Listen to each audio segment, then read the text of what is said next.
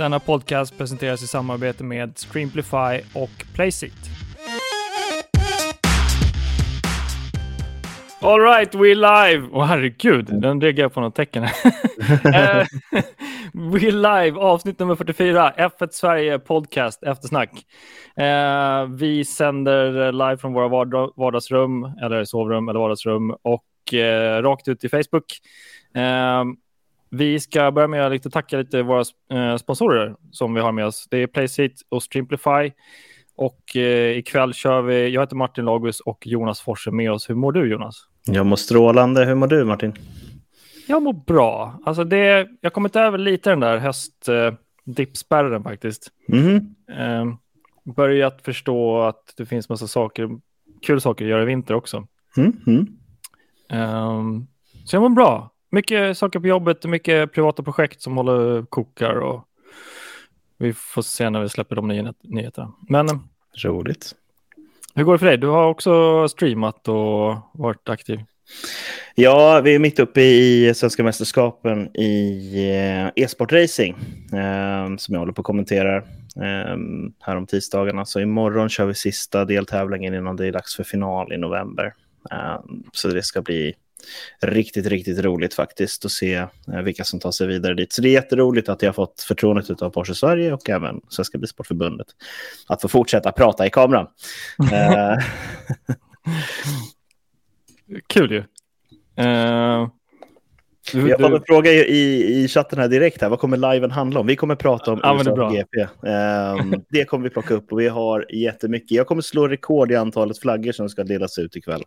Jag har inte tagit så här mycket anteckningar tidigare tror jag faktiskt. Jag, jag kan vara tyst och bara njuta.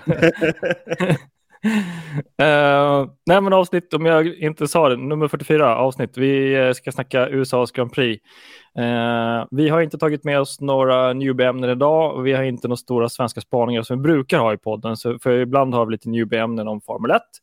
För att podden och gruppen riktar sig efter new, åt mycket newbies men också lite avancerade personer som varit längre. Och sen så brukar vi alltid försöka ta med någon eh, typ av svensk spaning om svensk motorsportracing. Jag kan kanske i och för sig kasta lite det spontant. Eh, jag gör reklam för min kompis Nemo Vegård som kör, jag har hans eh, racetröja på mig, ni som ser live. Eh, han kommer köra i, i nästa år kommer han köra med rally i Afrika, så då kommer vi försöka kabla ut och liksom sätta lite ljus på dem på två hjul också. Um, men, ja, men det är det liven ska handla om. USAs Grand Prix i stort sett. Jag har inte lika många flaggor som du har, men jag hoppas jag kan bidra lite med instick. Ja, nej, men det är ett bra diskussionsunderlag i alla fall. Liksom. Det är några saker som jag har noterat och det kan vara kul att prata om. Vad tycker vi om det här egentligen? Det här med mm. gropar i banan, ska vi avskaffa dem eller ska vi ha flera? Innan vi rockar igång ordentligt ska vi också nämna att ni som är med och eh, kollar live, ni som kommenterar, så, eh, alla kommentarer ser vi här i studion. Så att ni, eh, det är först och främst askul att ni är med och kollar. Eh, och frågor och eh, om ni vill korrigera oss, korrektera oss. Eh, så är bara att skriva så ser vi det i studion, ska vi försöka ta upp de frågorna och börja behandla det också. Så det är askul att ni är med och kollar aktivt. Och om vi säger något fel, eh, vi kör allting live, så det är inget förespelande manus som många har, utan vi kör allt bara live rakt ut på internet. Så ja, ni får lite det i bakgrunden om ni hör något kaffe som surplar och sånt där. Så att keep bear with us. Men eh, här kommer lite frågor direkt. Ska vi, mm. ska vi, ska vi, det är kul ändå. Ska vi ta upp? Ja, det, jag tycker att vi kan börja med, med den här frågan. Vilka bilar är favoriter hos er inom sporten, märke på bil? Mm. Um, det är en, en, bra fråga ändå. Det är en sån här fråga som man inte får så ofta. Eh, Okej, okay, kör. Jätteenkel. Jag har alltid tävlat med, med Chevrolet under huven, så det är Chevrolet och General Motors som är min favorit. Vilket innebär att om Andretti Autosport nu kommer in med GM tillsammans eh, i Formel 1 så vet jag vilka jag kommer hålla på. Uh, med hjärta och själ. Mm. Kul. Alltså, vi spekulerade förra gången, eh, förra podden tror jag var, om eh, Marcus och Andretti, men det kan vi kanske sväva iväg någon gång på också någon gång. Eh, om jag ska försöka svara på den där, eh, favoritmärken inom sporten. Eh, just Formel 1-sporten. Alltså det jag lutar mer och mer åt Ferrari. Eh, jag skulle vilja se för Leclerc, det har jag väntat om förut, men jag skulle vilja se Leclerc fightas mot Verstappen, för de har alltid varit, de är unga, eh, som barnspel när de har kört gokart, så jag skulle vilja se de två kampas. Eh, så jag hoppas och hejar lite på Ferrari faktiskt, eh, för att de ska kunna komma upp och ta kampen mot, eh, mot Red Bull. Så det skulle bli jättekul. Mm -hmm. sen märke på bil, är det allmänt märke på bil? Får vi svara där då? Ja, du väljer hur du svarar. Ja, jag väljer Ja, eller hur. Där tänker jag säga Aston Martin, DB-bilarna. DB8, DB9. Mm. Det är min liksom, dröm, drömsportbil tror jag. Och Lance Stroll. Ja, tack. Inte med Lance Stroll i bilen, jag kör själv. Ja, jag, skulle kunna tänka mig, jag skulle kunna tänka mig en roadtrip med Lance Stroll faktiskt. Det är något Va? jättetrevligt runt hela, ja men tänk så här runt Medelhavet så här. Rivieran ner mot Balkan, ja, jättetrevligt. Okej, okay, okej, okay, fair enough. Uh, I'm not judging. Jag skulle hellre välja Alonso i sådana fall. Jag tror han, Fast Alonso kan bli lite så tyst, trött tror jag, när han bara inte har kul. Mm. Då, han blir, ja, vi får se. Eller vi får se. Um, men, ja, kul fråga. Um, jättemånga kommentarer, det är roligt. Men uh, jag hoppas att uh, den, uh, den frågan fått svar. Um, så som, om ni inte varit med förut och lyssnat förut så brukar vi ha upplägget i podden att vi delar ut flaggor. Uh, så att vi har gröna, gula, röda flaggor som vi delar ut då, eh, ganska självklart vad de kan betyda, eh, till saker som hänt under racet. Eh, och vi har eh, samlat på oss lite, analyserat och kollat på racet, vad vi tycker borde, borde kommenteras, så att säga. Eh, är jättemånga bra frågor. Ska vi ta upp en till? Ja, innan vi kickar igång? Aha. Eh, har ni fått äran att sitta bakom en F1-bil om inte hade ni velat testa. Ferrari bra val där. Testa min så kommer ett leende på läpparna. Ja, jag skulle gärna testa en Ferrari. Jag, aldrig, jag tror jag faktiskt aldrig har kört eller åkt en Ferrari. Berättar kanske mycket om min bakgrund och min eh, lönekuvert. Men, eh, nej, men det ska vara kul. Men eh, jag har aldrig fått äran att eh, sitta och köra en F1-bil. Det har jag inte gjort heller. Det körs ju, eh, Rajamäki kör ju Anderstorp om jag minns rätt. Eh, jag har nått ut till dem och eh, snackat eller försökt fråga om eh, vi ska göra en YouTube-klipp på det, en YouTube-test. Sätter en average Joe Martin i en F1-bil. Men så om ni lyssnar på det och ni har kontakt med Raimärke, säg till. men jag hade gärna velat testa, absolut. du då, Jonas, har du fått? Aldrig kört Ferrari faktiskt. Porsche ja, men inte Ferrari. Um, det. Um kan man jämföra en Porsche och en Ferrari? Mm, mm. Stort. Oh, Eller Maranello. Mm, mm. Um, nej, men det är GT3 RS är ingenting att skoja bort så. Det är en fantastisk bil. Men eh, aldrig Ferrari. Det skulle vara jättetrevligt att se eh, hur man har löst eh, många liksom, chassilösningar och sådana saker som, som jag tycker är kul att prova. Bara, ah, okay, det, här, det här är ingen gatbil längre. Liksom. Mm. Uh, men jag har inte provat att köra F1-bil. Um, ehm, det närmsta är som sagt Anderstorp. Jag har varit inne på det ett par gånger. Ska man eller ska man inte? Men har liksom inte riktigt uh, landat i rätt tid och, och lägga pengarna på det. Kommer nog göras någon gång i livet, men kanske inte de närmsta uh, två åren i alla fall enligt min plan. Mm. Um, det är fler som vill vara average shows och provköra F1-bil. Det tycker jag är jätteroligt. Det är, det är helt fantastiskt att den, den inställningen finns. Jag älskar när folk vill faktiskt prova att köra bil på bana. Um, och det där konceptet är som jag har förstått att man börjar köra en om det är en Formel Renault 2.0 eller om det är en Formel 3 till och med på banan eh, för att få in känslan av att köra formelbil och mer aerodynamik och sådana saker innan man får sätta sig i F1-bilen. För annars får man inte ut tillräckligt mycket av det. Um, Exakt, och det kan vara lite farligt om man hoppar rakt in tror jag. Eller? Mm, mm, ja, men absolut. absolut. Det, det här är ingen vanlig bil, liksom. så är det. Um... Exakt. Men apropå det att prova racing ska vi kasta upp en liten varningstriangel för Hasse som arrangerar STEC Racing, långloppsracing. Mm -hmm. eh, ni som inte har, ni som har lite budget och skulle prova lite racing, det tror jag är en jättebra serie, för man kör, kör många med Audi TTs. Jag såg en Audi TT ute för runt 40 000 kronor som man kunde köpa och vara med i långloppsracing och köra det. Så det är annars en, en liten reklam för STEC-serien som finns i Sverige också. Mm, de är väldigt aktiva i gruppen också. Så där. Jag tycker att mm. de har så jättebra att göra med en eldsjäl inom sporten. Så att det är verkligen hitta nya kreativa vägar för att säga, okay, hur kan vi göra det billigare? Hur kan vi liksom bjuda in mm. fler att komma in och prova motorsport? Liksom? Ja, så otroligt det... välkomnande bra start tycker jag. Mm, absolut, absolut. All vi right. har tre frågor här innan vi eh, sätter igång uh, med ordinarie schema. Kör, välj. Ja, jag har fått en fråga här. Tre frågor i en här. Vilket race på säsongen känner ni något extra inför? Vilket är det bästa racet uh, ni har tändat på? Vilket är drömracet att åka till? Uh, kul frågor. Mm.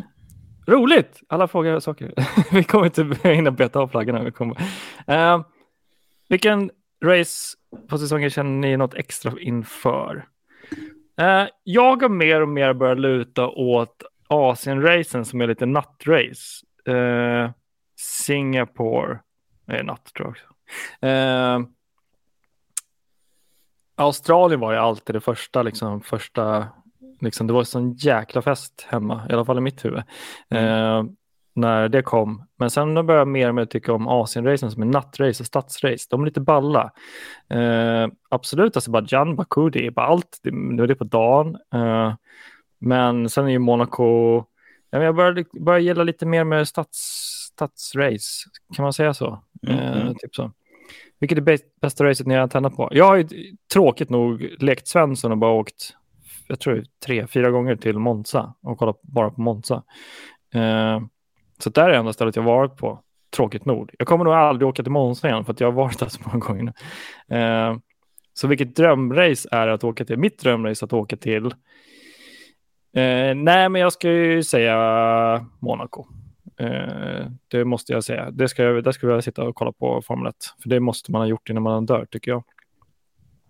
Typ så. Mm, mm. Raka svar. Du då Jonas?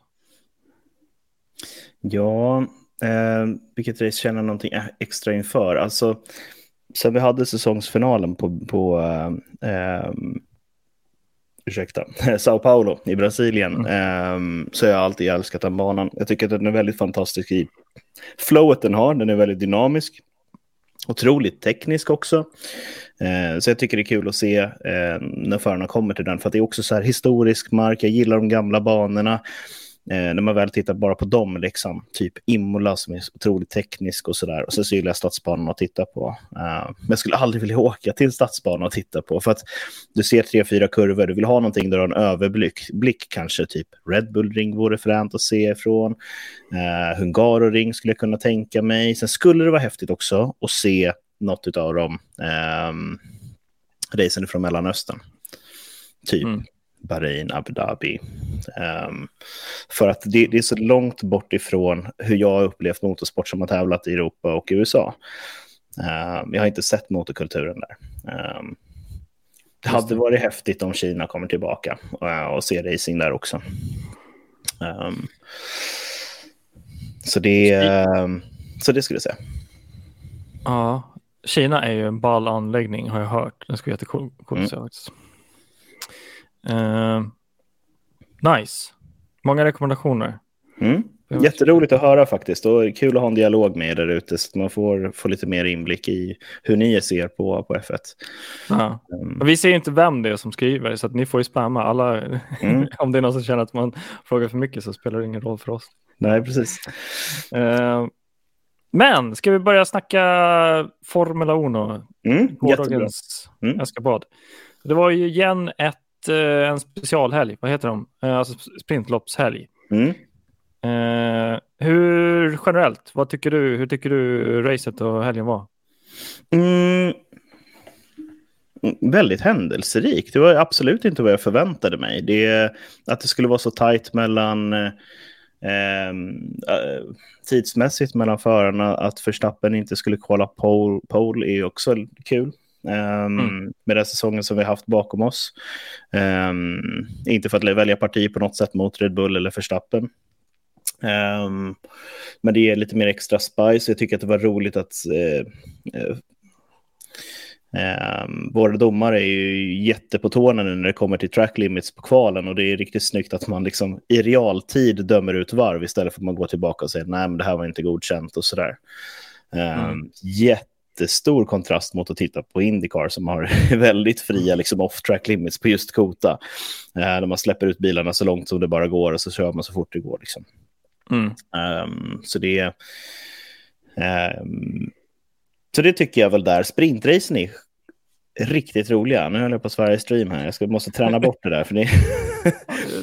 um, Skit får man väl säga? Eller får man ja, nej, men det är skitroliga. Det är absolut. Ja. Det är, man skickar på allt vad man orkar och allt vad man har. Jag tror att det kommer bli annorlunda nu efter den här helgen. Vi kommer att prata lite grann om eh, skidplates och, och sådär eh, senare. Mm. Eh, anledningen till att Leclerc och Hamilton varit diskade nu i slutändan. Men eh, det... Jag tycker de är roliga för att de, de kör verkligen som ett Formel 3-race. Det är ett kort race, du måste avancera, du måste ta de poängen du kan ta. Det kommer vara avgörande för mästerskapet i slutändan, hur du har presterat på de här racen. Mm. Uh, jag tycker att det är ett roligare raceformat än de här 60, 70, 80 varvsracen. Uh, mm. Alltid tyckt det. Um, men okay. det testar ju en helt annan grej, eh, talang i teamet, för att du får inte depåstoppen på samma sätt och sådär.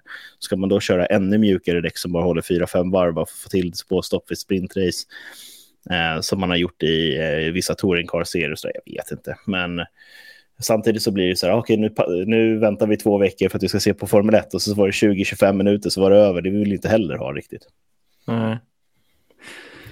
Jag hoppar in och försöker jag, jag har varit positiv alltid till sprintrace, så här, eller liberalt, vad ska jag säga, liberalt ödmjukt positiv. Eller ödmjukt, ödmjukt neutral. Men nu börjar jag mer och mer faktiskt, jag tyckte, jag tyckte, tyckte Max Verstappen formulerade sig bra, att han på något sätt, alltså det blir ett litet race på lördagen mm. och det lilla racet, hans argumentation om jag tolkar honom rätt, var liksom att ja, men då får du ju typ uppsättningen hur det typ kommer vara inför söndagen. Det är ett litet mm. mikrorace och det är ungefär så som alla kommer placera sig på söndagen. Mm. Så det tar bort lite skärmen av att vakna på söndag och inte veta hur det kommer bli. Um, det börjar jag, för, jag förstår hans poäng och jag började nästan tycka det också. Nu vart det ju faktiskt ganska spännande på racet igår så att Eh, jag tyckte inte det varit precis likadant som sprintracet. Någon får Nej. argumentera emot. Mm. Eh, så att egentligen så följer Max Verstappens argument, men jag förstår att hans utgångs eller ingångsvärde är så och jag börjar nästan hålla med att det kan vara lite. Man, alltså, det är så här. Kommer om vi leker med tanken att de bara kör på söndagen. Ja, men det är typ 30 minuters träning på eh, lördagen. Vi tar bort allt annat. Det är, sen har vi någon slags jävla kval på något sätt. Eller 30 minuters kval. Mm. Och sen, då kommer det bli jätte, jättespännande för ingen har någon aning om hur det kommer gå på söndagen. För att det kommer bli lite High Chaparral, det kommer bli spännande och ingen vet hur det kommer bli. Ju mer sessions man har innan som testar hur det kan bli på söndagen, desto bättre chans har man att veta hur det blir på söndagen och då kanske det blir lite mindre spännande. Så att det är i sådana fall, jag har svårt att se hur Alltså jag tycker i alla fall att kvalet, jag förstår att Liberty Media vill öka tittarsiffrorna på fredagar och lördagar, vilket de gör genom att sätta in kvalet på fredagar och sen som ett eh, mini-race på lördagar. De försöker i alla fall göra det, så smeta ut det på tre dagar. Men jag tycker faktiskt att kvalen är otroligt intressanta och spännande, för det är ändå en mm. session på typ två timmar som man eh, åtminstone mot eh, Q3 sitter på tårna och verkligen, verkligen undrar hur sjutton det ska gå, vem som slås ut. Så jag tycker det är jättespännande. Eh, så jag tycker inte kvalet i sig behövs justerat, men det är i sådana fall, ja men då ska man kunna ta då ska man i sådana fall kunna ta ett eh, sprintrace eller minirace som första session på hela helgen på, på fredagen. Sätta in där utan att man har tränat någonting, utan bilarna bara sätts ihop, typ konfas, de kör ett eh, formationsvarv de håller så bara, ah, race på. Uh, det här är det som ni har på datan att ni ska sätta upp efter, efter lite, ja men jag vet inte vilken bilrace-serie som kör sånt, men du kanske kan det. Jag tror de flesta dock tränar. Men mm. det skulle vara spännande att bara kasta ut dem så att säga. Ja, men nu kör vi 20 varv race utan att ni har tränat någonting här och inte ens fått testa bilen. Kan det vara farligt? Absolut. Men kan det bli Mm. spännande? Ja, det kan det bli. Mm. Och sen så kör man normalt kval på lördagen. Och så på söndagen. Nej, så jag är lite... Jag tycker man inte ska låsa sig som Liberty Media eller F, eh, FIA eller F1-organisationen efter att det ska vara på det här sättet att man ska ha kvalet på fredag, sprintrace på lördagen och så race på söndagen. Eh, jag tycker man forts ska fortsätta experimentera och sen så tycker jag faktiskt originalformatet är väldigt, väldigt spännande. Så att, ja, eh, typ så tänker jag. Det finns ju en annan eh, amerikansk motorsportserie som eh, gör om banan för att göra det lite mer spicy. Lägger grus på den istället. Men jag menar, du skulle ju kunna använda sprinklersystem och göra banan våt på ett race. Eh, bara för att ja, men du kör ett wet race liksom på upptorkande på 20 varv. Just det. var ett förslag som kom i Mellansvenska kartracing-serien. Kan vi inte göra det här ett race? För att den här banan har sprinklersystem. Mhm. Ehm, det röstades ner av tävlingsorganisationen, men vi förare var överens om att det hade varit riktigt kul att göra. Ja, Ehm, coolt. För då får man köra på vått utan att det regnar så att man blir blöt hela dagen. Liksom. Det nej, men det, ja, det hade varit riktigt spännande. Men eh, mitt motförslag ehm, till att göra det här uh, sprintracet lite mer spännande. Vad händer om vi ger fasiken i att tillåta DRS på det? Mm. Fair För att- point. för att så här, okej, DRS-omkörningar, jag tycker att det, det tar bort lite av charmen och lite av liksom, eh, konsten i motorsporten när du ska göra en omkörning, hur du ska planera för att göra den och läsa föraren framför dig och så där. Du väntar till närmsta raka, trycker på knappen och så kör du om liksom push to pass. Mm. Ehm, men en annan detalj som kommer med det här det är att när du kör bilarna i vindtunnel så bygger du bilen i ehm, både för att du ska köra med öppen vinge på rakare och inte. Mm. Så det kan ställa om vilka bilar som har aerodynamisk fördel mot andra bilar som generellt sett inte har det. Titta på de första varven, till exempel på ett race, så händer det väldigt mycket som kanske inte är ehm, superenkelt att förstå, liksom, för att du ligger i smutsig luft, hur, hur presterar bilarna där? Vissa bilar är byggda för att klara av det i större utsträckning, andra är det inte. Ehm, och förbjuder du DRS, då kommer du bygga upp så mycket större turbulenser över, över raksträckorna också. Så bilarna bakom som ligger kanske 3, 4, 5 sekunder till och med kommer känna av smutsig luft Mm. ehm, i de hastigheterna. Så det, ehm, jag, jag tror att det skulle vara en spice som skulle kunna släppa in ett helt annat tänk i det. Att köra ett race utan att träna, jag, jag är det, lite för mycket säkerhetstänk bakom det där. Men låt dem lägga Ja. lite gummi på banan och sådär. Att jag, menar, jag menar om du smäller bilen på, tränings, på, på första racet liksom, och då hinner du inte få ihop den till lördagen. Du måste köra reserv i bil och det kan bli onödigt dyrt liksom också. Ja, de är lite måna om pengarna i den här sporten. Det Jo, jo, det kommer-. Det kommer vara en jättefördel för de stora teamen och en jättenackdel för de små. Mm.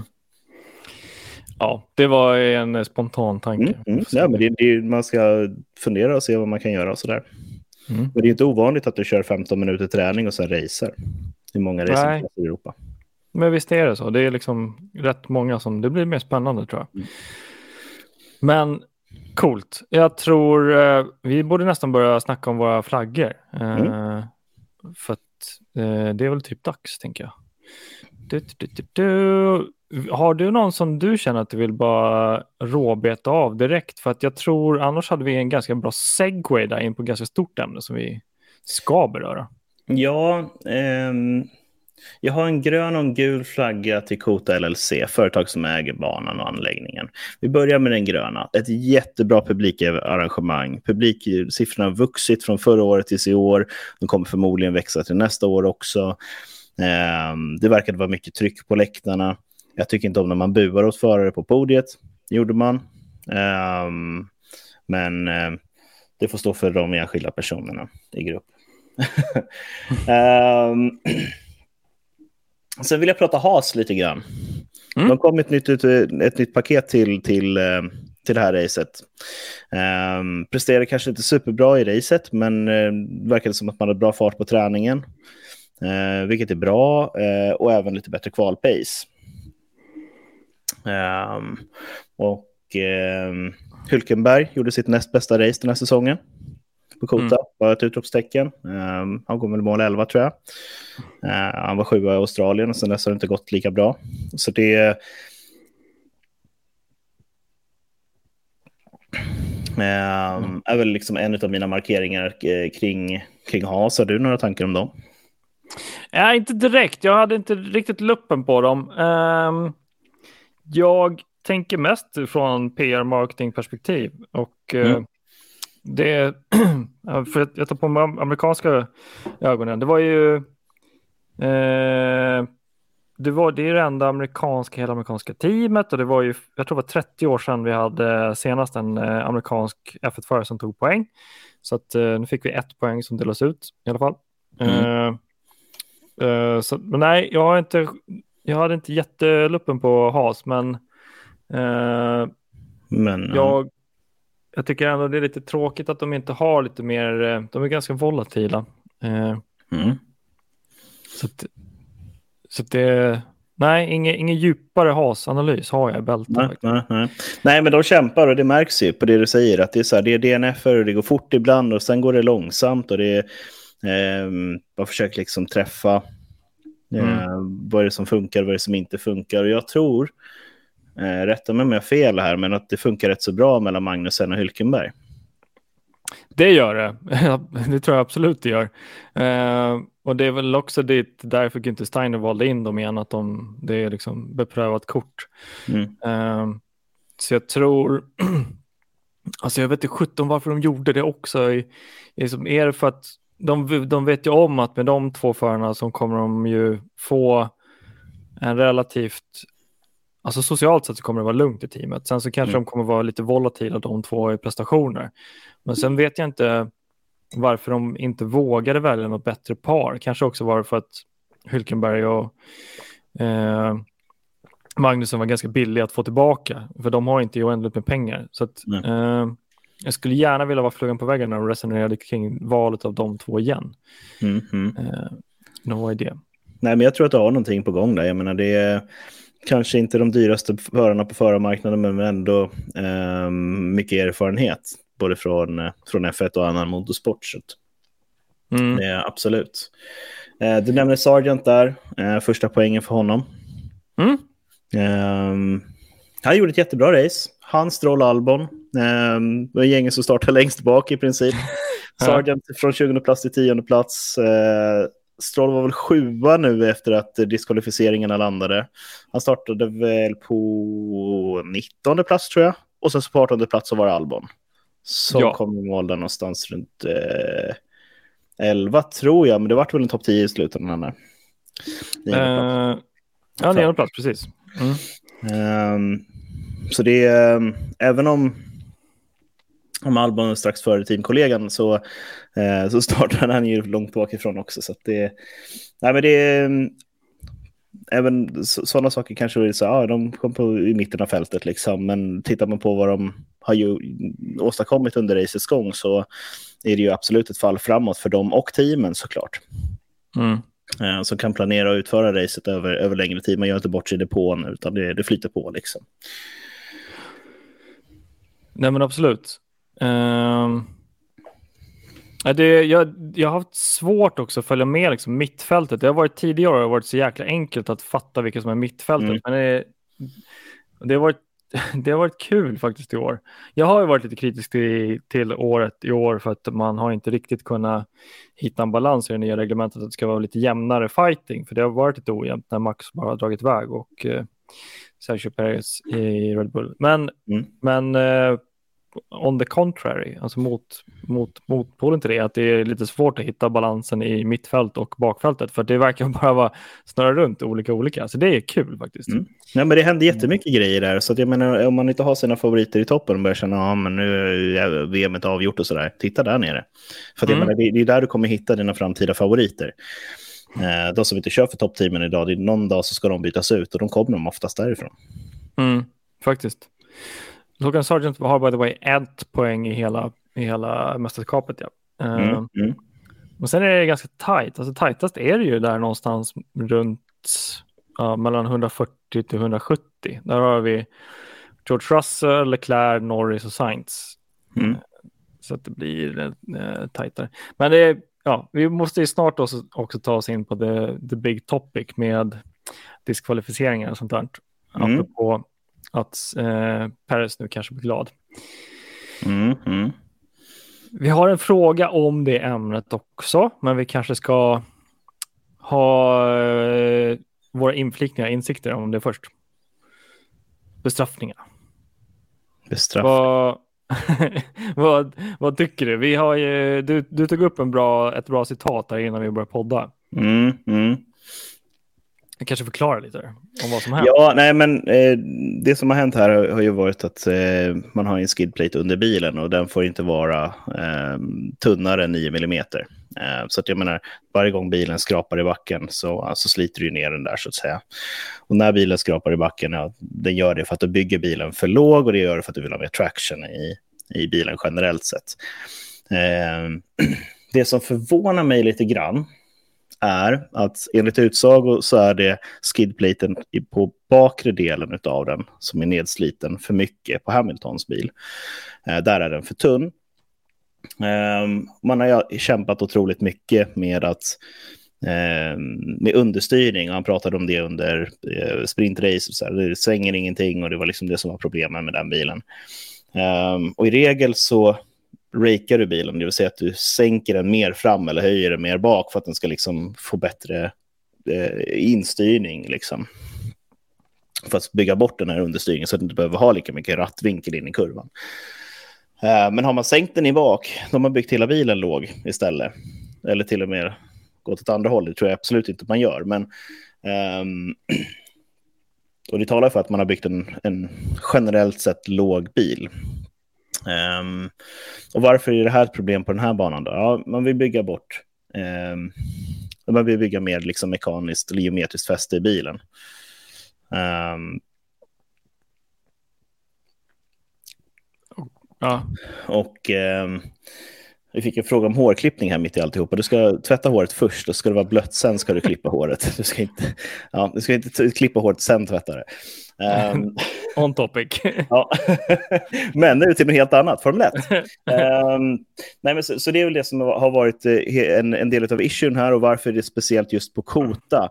Uh, Kota är en jättespeciell bana, den är designad av Hans uh, Herman Tilke. Tilke. Mm. Ja, um, och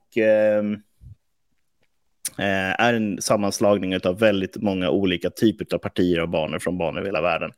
Mm. otroligt teknisk bana, riktigt frän att köra, säger de som har kört den. Um, jag har inte gjort det, jag har bara kört simulator på den. Um, svår, absolut. Um, men den är också väldigt gropig nu. Otroligt mm. gropig bana, vilket innebär att du släpar i den väldigt mycket när du liksom studsar och slår och sådär. Så vilket innebär att om bilen inte är låg egentligen så kommer du fortfarande få en komprimering varje gång det guppar och då släp, släpar det i. Um, och det man argumenterat med här är att det har varit så kort tid i och med att man körde ett sprintrace också, så att man har inte haft tiden att dubbelkolla den här plattan och se att okej, okay, hur mycket har vi slitit ner på den här? Ska vi höja bilen eller inte? Mm.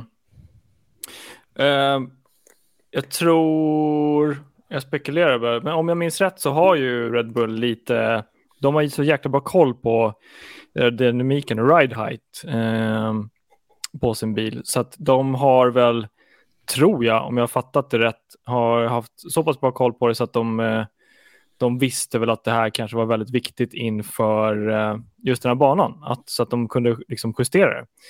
Ehm, och det är väl därför också de har haft den här marginalen i den här liksom vågiga, guppiga banan, så att de kunde verkligen eh, jag, jag, Ja, det är Formel 1 och jag tror inte alls de har skippat att tänka att vi måste ha en högre ride height här för om vi slipar ner för mycket så kan vi bli bannade. Mm. Uh, nu, tror, nu kastar vi in den här frågan som kommer från en tittare som jag tycker är verkligen bra. Har läst att Science och Russells bilar inte har blivit kontrollerade för ride height. Vad anser ni om det? Uh, äh, bra fråga. Mm. Vad anser jag om det? Jag tycker det jag förstår att inte de kollar allihopa. Eh, men jag tycker att de borde ta borde ha tagit mätpunkter på alla. Men sen så vet jag inte heller om de har, jag bara spekulerar nu, om de har mätt typ topp 4, topp 10 eller vad det var. Jag kommer inte ihåg eh, exakt. Och så har de på plats sett att det var för lite i, kvar i skidplate eh, på två stycken. Då borde de ju mätt alla i hela fältet, tänker jag. För att eh, om jag fattar det rätt så kom ju till exempel Russell så pass långt bak så att han, eh, han träffades inte av eh, analysen. Eh, alltså han var mm. så pass långsam i racet så att han, han, han behövde inte kollas, tyckte de. Eh, konstigt, ja absolut. Är det, är det en fråga om kapacitet från FIA? Ja, möjligt. Eh, sen, för jag tänker så här, om analysresultatet har kommit efter att man var tvungen att skicka in det, typ, ja men det var ju, ja, det var ju ganska långt efter. De fick inte liksom en ban precis en halvtimme efter racet när de stod på podiet eller någonting. Utan det var ganska lång tid efter. Uh, då har ju analys, då, då förstår jag att de inte tyckte att det var väsentligt att kolla allihopa. Men jag tror att inför nästa race kanske de absolut gör det, kollar hela fältet efteråt. För att nu insåg de ju att det finns, ja, finns en fara i det, till exempel. Um, typ så, tänker jag. Jo. Uh. Nej, men det, det, vissa saker prov, är, är förbestämt, att man, eh, men inte kommunicerar till förarna såklart och teamen. Mm. Um, precis, mäter man alltid efter alla lopp. Um, jag kan inte svara på den frågan, men jag skulle absolut säga att jag tror att man kollar topp tre eller topp fem. Uh, mm. För att se om det är några problem, någon problematik med den. Och samtidigt så här, uh, ja, det är teamkollegorna till de som inte var godkända, borde man då dubbelkolla på dem? Jag kan tycka att det finns en rimlighet i att göra det. Jag kan tycka att det också finns en rimlighet att hej, de här två bilarna grejade inte de här testerna. Vi testar fem bilar varav eh, 40 procent inte klarar det. Vi provar alla mm. bilar och ser om alla går igenom. Men å andra sidan, vad säger fansen om vi diskar 12 bilar? Precis. Det, ähm... ja, men det, det, kan ju landa i den också. För att ähm, när sliter du ner den här? Jo, oftast när du är ute av banan, ute på curbsen och sådär. Mm. Precis. Så, um, så det kan ju vara en sån sak också. Har man haft uh, många track limit-varningar och sådana där saker så, uh, så kan man ligga i riskzonen för att bli uh, bestraffad för att man har slitit ner för mycket. Och då handlar det inte om att ah, men min bil har varit för låg, det har varit och kört och du inte ska köra bilen. Liksom. Mm. På samma sätt som att okej, okay, men det kan vara gropigare på innerspåret, har du legat för många, in, inför många in, omkörningar. Titta på Leclerc Titta på en starter till exempel. In i första kurvan, längst in mot kanten och det guppar och slår otroligt mycket i den bilen. Det kan bero på att han gjorde så där. Mm. Precis. By the way, jag har lite flaggor på starterna och sånt där. Det är massa gröna. Jag, det är nästan en harang som jag skulle kunna dra igenom. Eller ska vi, är vi inte klara med skidplaten? Eller är vi det? Har vi förklarat vad som har hänt? Ja, Kommer det fler frågor så fortsätter vi på ämnet tycker jag. Ja, um, Super. Jag drar lite, lite gröna då. Uh, starten på Piastri. Stark mm. grön flagga. Han tog mm. fyra platser på ett varv. Mm. Så att, hats off, Piastri. Bra jobbat.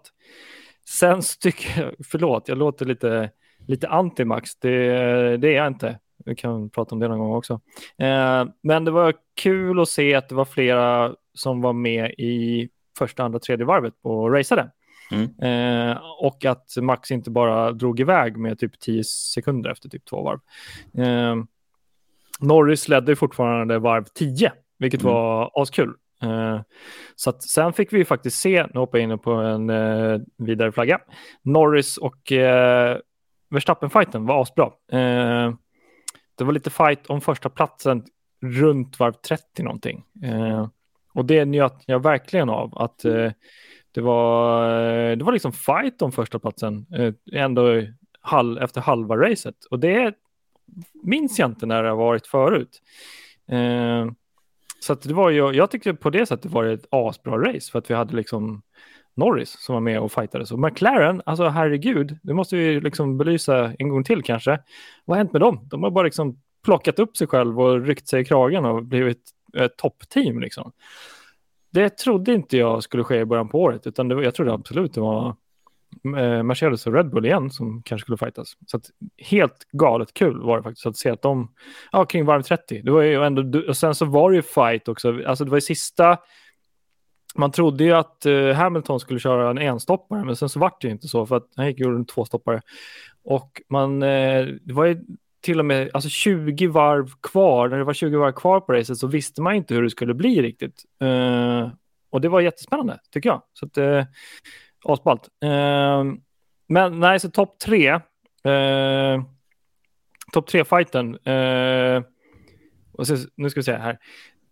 Varv 36 så kunde man ju typ börja räkna ut hur däcken skulle leva de resterande 20 varven på racet.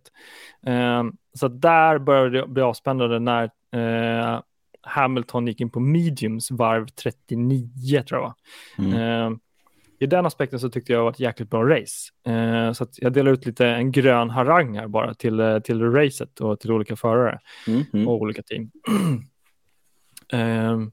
typ så. Det var jättekul att se faktiskt att det var lite fight. Sen så kanske ska runda av det där med att eh, det var bara två sekunder kvar till nummer tvåan efter att Max vann. By the way, jävligt, förlåt språket, väldigt snyggt av Max att ta det igen för att han fightades verkligen den här gången och han, man hörde att han skrek på radion sista, näst sista varvet till, sin, eh, till sina teamchefer när han försökte pusha från Hamilton.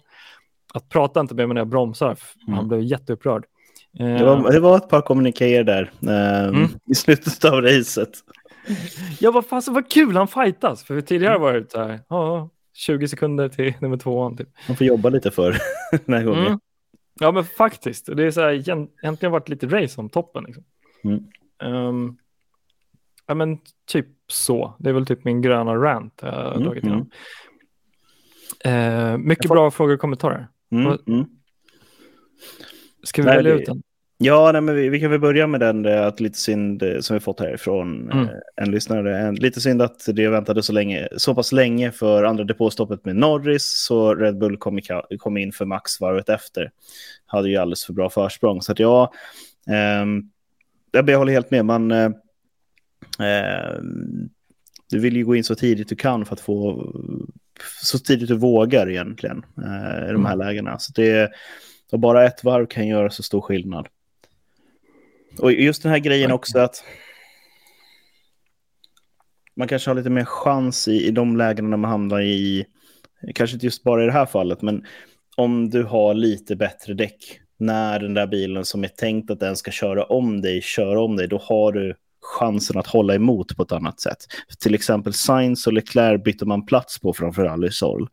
Eh, mm. Och jag tror att hade Sainz försvarat istället så hade det funnits en möjlighet att hålla bilen bakom längre. Mm. För Sainz hade ingen chans att köra ikapp Norris ändå. Nej, exakt. Uh, nej, det var faktiskt spännande där. Uh, så att jag tycker, sen vet jag inte vad exakt orsaken är, om det är liksom andra som börjar bli snabba eller om det är banan som är krånglig att köra. Men många bra attacker och omkörningar och det var en hel del side-by-side racing som man fick se. Kanske inte liksom sju, åtta kurvor, men två, tre stycken i alla fall. Um, några fler Drive och Hamilton har varit kapp och Max. Ja, mm. exakt.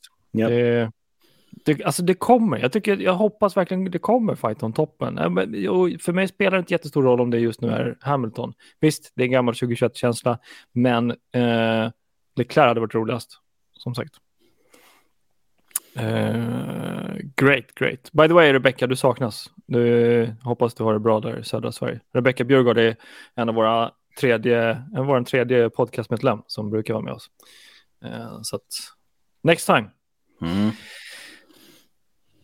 Bra. Uh, har du, mm. jag har lite rött sen, men du har det säkert också lite. Mm. Jag har fyra gröna kvar.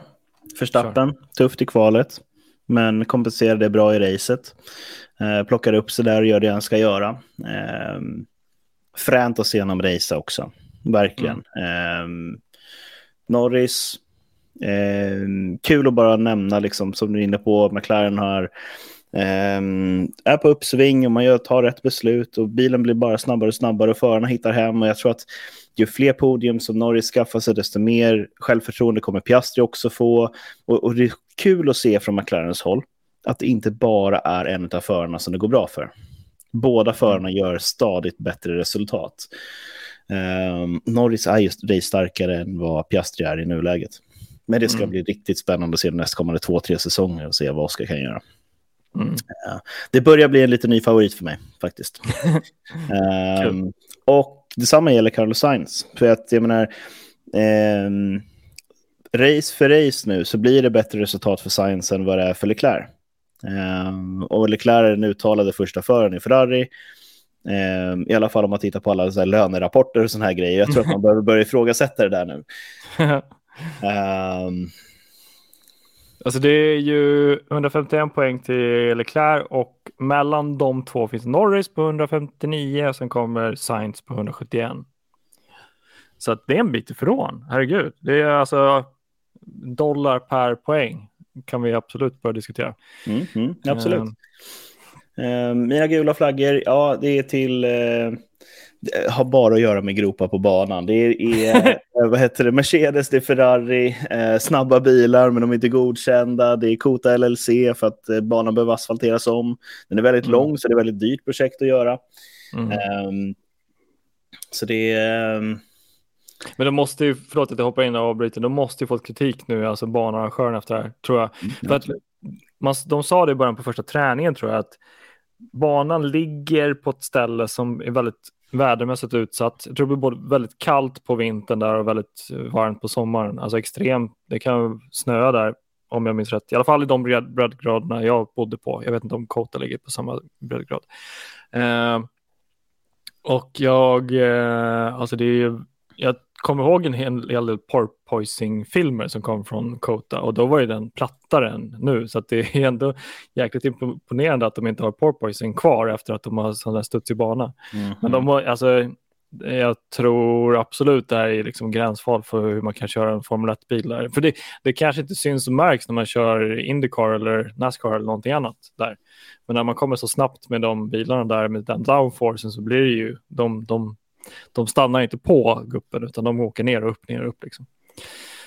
Nej, det ska bli intressant att se om de, om de öppnar plånboken och fixar om det där. Mm. Mer, fått, förlåt, jag har ja, Jag har fått en kommentar. Science ligger väl ganska, ganska bra i ställningarna just nu. Han är på femte plats, 12 poäng ifrån Magic Alonso på en fjärde plats. Um, så att um, han ligger bra på en femte plats. Han får inte spöa min favoritspanjor det här året i alla fall. Nästa kanske. Inte nu. Nej, men det är riktigt roligt att se den nya generationen och det är otroligt viktigt att ha eh, duktiga spanska förare också för att Spanien är stort inom motorsporten eh, och det är kul att det finns en återväxt där också. Eh, mm. Faktiskt. Verkligen. Verkligen. Det, Sen eh, Rally Science tickar mig lite extra om hjärtat när mm. den familjen. Det är kul liksom. Jag gjorde ett gymnasiearbete 2012 om eh, förare i F1. Nio, mm. elva av de, nio av de förarna eh, kom från antingen Tyskland eller Storbritannien då. Och i princip halva fältet. Mm. Och eh, det, bygger det gör ju vad heter det, startfältet lite tråkigare, sporten generellt sett lite tråkigare, för man öppnar inte upp mot fler marknader och liksom fler länder att följa sporten och sådär. Mm. Um, så det är absolut en otroligt rolig uh, utveckling som vi har haft nu. Um, mm. med, eh, med fler länder representerade och sådär. Det innehåller, Men, inte, mm? uh, det innehåller inte en analys på antal F1-förare per capita. För det hade varit intressant att se. Uh, till exempel Sverige, hur många har vi haft? Fem, fem eller sex där ska kunna. jag tror vi har haft fyra innan Marcus. Och sen var det Marcus femte tror jag. Mm. Ni som kollar live nu, ni får gärna googla. Om ni hittar. googla hitta. Hitta Men jag tror ingen slår Finland där faktiskt. Nej, det jag, kan du göra. Det... Fast hur många bor i Finland? Det är inte fem, sex, fem, sex miljoner. miljoner. Det är du som har ja. släkt där, inte jag. Ja, det ska jag, jag har också släkt där i och för sig, förlåt. Ja. det har varit inget bra. Oj, det var typiskt. Den uh, curveballen gick inte hem. Uh, nej, men de, de är nog... Uh, men sen så kan vi snacka Monaco. Där har vi per capita. Där har vi en monegask. Mm. Han, ja, han, är, han är inte första heller, tror jag. Nej, det tror jag ja. inte. Ah, ja. Anyways, kul ämne. Mm. Jag ser bara, eh, vi får fler frågor, det är jättekul. Just det. Som det ser ut nu kommer Sainz vara bästa spanska förare mot slutet av säsongen om inte Aston Martin får ordning på sin bil. Mm. Absolut. Och på tal om Aston Martin, en röd flagga till dem. Eh, de har mm. tappat fart nu i slutet av säsongen. De hänger inte med i utvecklingen varje gång vi utvecklar bilarna och kommer med nya uppdateringar på dem. Mm. Så tappar de. Eh, mm. Första kvalet som Fernando Alonso inte var med i Q3 på. Utslagen i Q1 redan. Um, så det är, så här, det, det, är ett väldigt stort utropstecken när det, när det kommer till, till Aston Martin. Och nu eh, fick man bryta med Alonso eh, för problem med golvet. Och det kan faktiskt ha att göra med att man har slitit ner det för mycket. Om man väljer att mm. bryta istället för att ta en DQ. Um, eller att man slår i för mycket uh, över guppen. För det var flera som hade den typen av problem. Så mm. um, tio svenska förare fick vi det som kommentar. Riktigt roligt faktiskt. Va? Det är sant. Ja, jättedåligt av mig. Ursäkta, tack för att du hjälper till. Mm, det får jag hem och räkna på, för jag, så många tror jag inte kan i huvudet så. Um, men i alla fall, och det, det, ställer mig frågan när det kommer till Aston Martin, har bubblan spruckit? Man träffade rätt i början av säsongen och sen dess har det varit liksom, samlade mycket poäng då, men steg för steg så går man i fel riktning för Aston Martin. Um, mm. Men med det sagt, så gör Stroll ett fantastiskt bra race idag. Eller inte idag, men igår. Um, och uh, ifrån sista startrutan. Så det finns ju fortfarande race pace i bilen. Men det är inte den här övertygande podiumfarten i den här bilen längre. Mm. Mm. Så det är... Nej, men jag håller verkligen med. Och uh, för att uh, vad ska man säga, be om ursäkt för min okunskap och belysa nu svensk racing som vi faktiskt ska göra. Ska jag läsa upp de här namnen som faktiskt varit svenska F1-förare. Eh, sen 1950 har vi haft Joakim Bonnier, Rainer Wisell och by the way, Rainer Wisell har varit eh, gruppmedlem i F1 Sverige, varit ganska aktiv eh, medlem i början. Eh, nu är han tyvärr bortgången, men det var jättekul. Eh, sen har vi Ronny Pettersson, eh, Bertil Ros, Torsten Palm, Conny Andersson, Conny mm. Andersson, Gunnar Nilsson, Slim Borgerud, Stefan Johansson och Marcus Eriksson. Uh, enligt Tico Racing, uh, tickoracingshop.com. Mm. Uh, riktigt kul, riktigt kul. Mm. Uh, men vi ser väl snart Dino Boganovic ta elfte, elfte siffran. Mm, jag hoppas vi på. Det hoppas vi verkligen. Mm. Eh, mycket, mycket frågor kommer in. Jag hinner knappt prata samtidigt som jag ska läsa. Eh, grymt. Jag har eh, lite röda kvar, men du kanske har mer flaggor att hitta? Nej, jag har bara två röda kvar och det är till Russell och Alpin. Vill du börja? Ja, jag kan, eh, jag kan köra. Eh, Stroll. Mm. Eh, jag får röd flagga av dig. vet du, en simpel orsak. Han, eh, när de hade formationsvarvet så körde han ut till griden. Men han skulle ju starta från eh, garaget. Mm, mm. att de var tvungna att backa hans bil och köra in den till garaget. Ja, men det är ut och värma däck lite grann sådär, skrapa av det värsta. Och så. Jag var med på griden och startade därifrån. Men det var, alltså, det var jättekonstigt. Han får en röd flagga för det. Det ska man fasen ha koll på när man är i Formel 1, vart man startar från. Det är en go-kart-grej som man kanske kan få göra. men alltså inte i Formel 1. Hallå, Lance Stroll, liksom, ta en kaffe innan racet så du fattar vad du håller på med. Uh, så att, det blir hela, hela teamet runt omkring där som kanske skulle, vänta nu, vad händer nu? Ja, exakt. Uh, ja, men typ. Sen har jag till röd, men uh, du kanske vill ta den emellan? Uh, nej, men fortsätt du. Kör klart. Ja, okej. Okay. Uh, jag ger det till Hamilton Leclerc för att de har ja, blivit diskade. Sen vet inte jag faktiskt det här om det är fusk att de har kört en så låg ride height för att de visste att det blir bättre performance.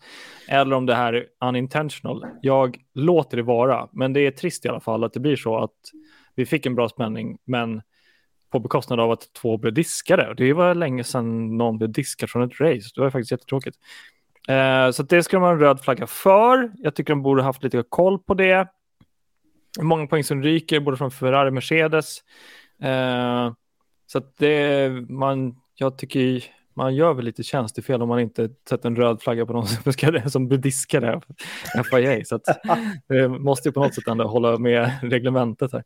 Uh, så att nej, det kunde de uh, jag vet inte om, eller så var det på grund av att de inte kunde räkna ut hur mycket de skulle slå i banan när, de, när det var så guppigt. I don't know. Men ja, i alla fall, röd flagga där. Det är tydlig Uh, skillnad mellan dig och mig Martin. ja, det, Jag, jag ger gult kort till det där, ser mellan fingrarna, men du, uh, nej, det är förbjudet, de ska bort. Ehm, nej, men det, är- det är en intressant eh, diskussion kring, kring liksom det gränsdragningar och sådär. Vad är etiskt okej i sport och vad är inte okej i sport? Ehm, det här är en tydlig regel, FIA, de så här, okej, den, den ska vara 9 mm och allt annat än 9 mm eller större, det är bort. Jag tycker att FIA gör rätt där, de måste vara jättetydliga när de tar sina beslut, det ska alltid vara samma. Eh, och sen är det upp till teamen att försöka få dem att ändra sig och se mellan fingrarna. Det, är- det är en del av sporten. På samma Mm. sätt som att fotbollsspelarna går fram till domaren och försöker prata bort gula kort och så vidare. Och så vidare. Eh, det, är- det är liksom en del av sporten, att vara precis på gränsen. Eh, Mm. Och det här är ju också en sån här sak som är så svår att, ehm, att beräkna i för, förhand. Liksom. Det är inte så att du har byggt bilen för låg från början by default. Ehm, Så att det ehm, som sagt, kom ut på curbsen lite för mycket, slå i, slå i dem lite för mycket och sådär. Ehm, så, så kan du få en bestraffning för det. Ehm, liknande regler som den här finns i väldigt många andra motorsporter. Framförallt karting, där du har liksom ett visst mått för hur mycket du får skrapa i på bilen och sådär. Så kan du sätta plattor på som är godkända och sådär för att skydda och så. Men Mm. ehm, så gällande det, jag tycker inte att de gör någonting fel. De ska ligga på gränsen och gick de över gränsen då får de betala den, eh, priset för vad som händer när man gör det. Eh, det är min eh, professionella åsikt. Man kan försöka. Och eh, det är också så här, ska du ligga så, så väldigt nära på gränsen så, eh, så får du bestämma vilka toleranser du ska ha. Eh, men jag vill fortfarande, även om Hamilton var diskad för att hans bil inte var godkänd eh, och körde från sin teamkollega, så är det för stor skillnad mellan Russell och Hamilton i pace. Det håller jag med Eh, om. Därför får han en röd flagga utav mig. Han har inte hittat det Hamilton har hittat. Det kan bero på eh, att man provar olika saker på bilarna såklart. Hamilton är mer erfaren så att man bör ju då prova de nya sakerna först på hans bil. Ehm, jag har inte tillräckligt med information bakom liksom, för att kunna på riktigt säga att det är så här det är. Ehm, Men det saknas lite pace där. Ehm, Alpin har tillförlitlighetsproblem. Det här var den sjätte DNFen för Ocon den här säsongen.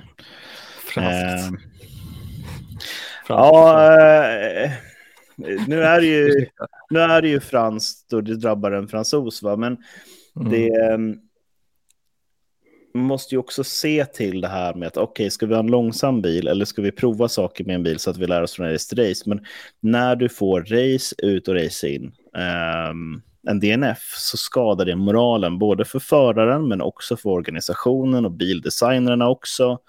Uh, Du måste ha så otroligt mycket tålamod och prata väldigt mycket tålamod med din organisation för att man ska orka med att fortsätta vara motiverade när man har en sån här säsong.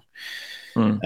Um, en rassäsong som man beskriver. Det. Bara, men vi kommer till banan och vi rasar någonting. Och vi kommer till banan, ah, det här gick inget bra. Ehm, så att det... ehm, och det blir Mm. väldigt dyrt i längden också. Du får inte poängen som du behöver. Ja, men så är det. Eh, mycket bra eh, kommentarer by the way. Eh, roligt att Leclerc har lyckats med eh, pole, DNF, DNS och DSQ. Det är lite humor. Um, det är faktiskt lite intressant. Uh, men, nej, men absolut, jag håller med. Det är franskt alpin och det är tråkigt att, att tillförlitlighetsdiskussionen dyker upp på dem. Uh, by the way, runt 60 poäng mellan uh, Russell och Hamilton. Jätteintressant att det har switchat, för förra året, eller förra, förra året tror jag var, i början på porpoising så var det Hamilton som låg så pass långt efter och Russell eh, före. Så att jag vet inte, jag tror vi har spekulerat om det här i podden också och eh, snackat om när det kommer klicka att eh, Merca börjar prioritera Hamilton i teamet liksom, för att han är Mm. första förare. Och det börjar vi se nu. Jag vet inte varför. Alltså, undrar om det är olika delar, man testar nya snabbare saker på Hamilton och så vidare. Så vidare. Eh, men i alla fall, Merca börjar bli snabb eh, och det hoppas vi egentligen fler bilar får till så att det blir liksom racing om första. Vi har eh, pushat över en timme. Eh, har vi några fler flaggor? Eller? Nej, Mm. jag är nöjd. Är du nöjd? Ja, frågor, frågor är väl det som vi kan ta där i, i slutändan. Om det är någonting mer som ni tycker att eh, vi ska stöta och blöta. Um, Ja, och, push ehm, now. Speak now or forever hold your peace. Ja, men Eh. lite så. En liten notering är ju så här att eh, Mercedes, de leder med 22 poäng över Ferrari i konstruktörsmästerskapen. Det här är eh, för mig en väldigt intressant kamp att följa. Samma sak med, med McLaren mot Aston Martin såklart. Och där skiljer det bara 8 poäng. Så eh, är motorsport en lagsport eller inte? Jag säger alltid ja. Eh, så ehm, så det är de här sakerna om, man nu börjar liksom, ja ah, men förmästerskap är avgjort och så vidare. Och så vidare, och så vidare. Följ det här istället. Titta på, på konstruktörsmästerskapen, för här händer det grejer och det är riktigt spännande. Och det är, f- ha, eh, så det är kampen om andra platsen och kampen om fjärdeplatsen egentligen. Här. Precis, och det är väl också i, i förmästerskapet, också en kamp där. Mm. Om andra och tredje, så det kommer bli absolut spännande. Ehm, all right. Mm. Vi börjar väl eh, lida oss mot ett slut. Eh, nästa race är Mexico City. Mm. Eh, det kommer bli lite balt faktiskt. Mm. Vad tycker du om den Moran? Frän. Ja. Riktigt frän när de kommer in i arenaområde helt plötsligt. Och, ja, den, den är byggd på ett väldigt speciellt sätt och det ska bli riktigt kul att se eh, hur mycket publik man kan dra i år. Mm. Askul. De är, den är ganska stor publikmässigt ska det vara. Mm. Eh, nej, det kommer bli jättekul. Eh, så att vi, vi får se vad det blir för typ av racing. Jag tror faktiskt slutet av år kan bli lite intressant. Eh, tack så mycket, Grön flagga till er podden. Jättekul. Eh, roligt att höra. Jag tror vår ambition är ju liksom att förgylla er måndagskväll med lite eftersnack. Eh, racet. Det, ni får ju det i all, andra olika medier, men vi försöker skicka ut det så fort vi kan eh, varje måndag och eh, kör live och kommentera så gott vi bara kan, även fast man missar hur många F1-förare vi haft i Sverige. Så, så gör vi vårt bästa. Den kommer att sitta hårt ett tag. Eh, men superkul att ni har varit med oss. Eh, superkul att så många har varit med och kommenterat och kollat. Eh, vi kommer också pusha ut det på Spotify så att ni har någonting i bilen att lyssna på imorgon eller imorgon kväll. Men tack Jonas. Och tack, Tack alla Martin. ni som varit med. Tack så mycket. Ha det bra. Ta hand om er, hej. hej.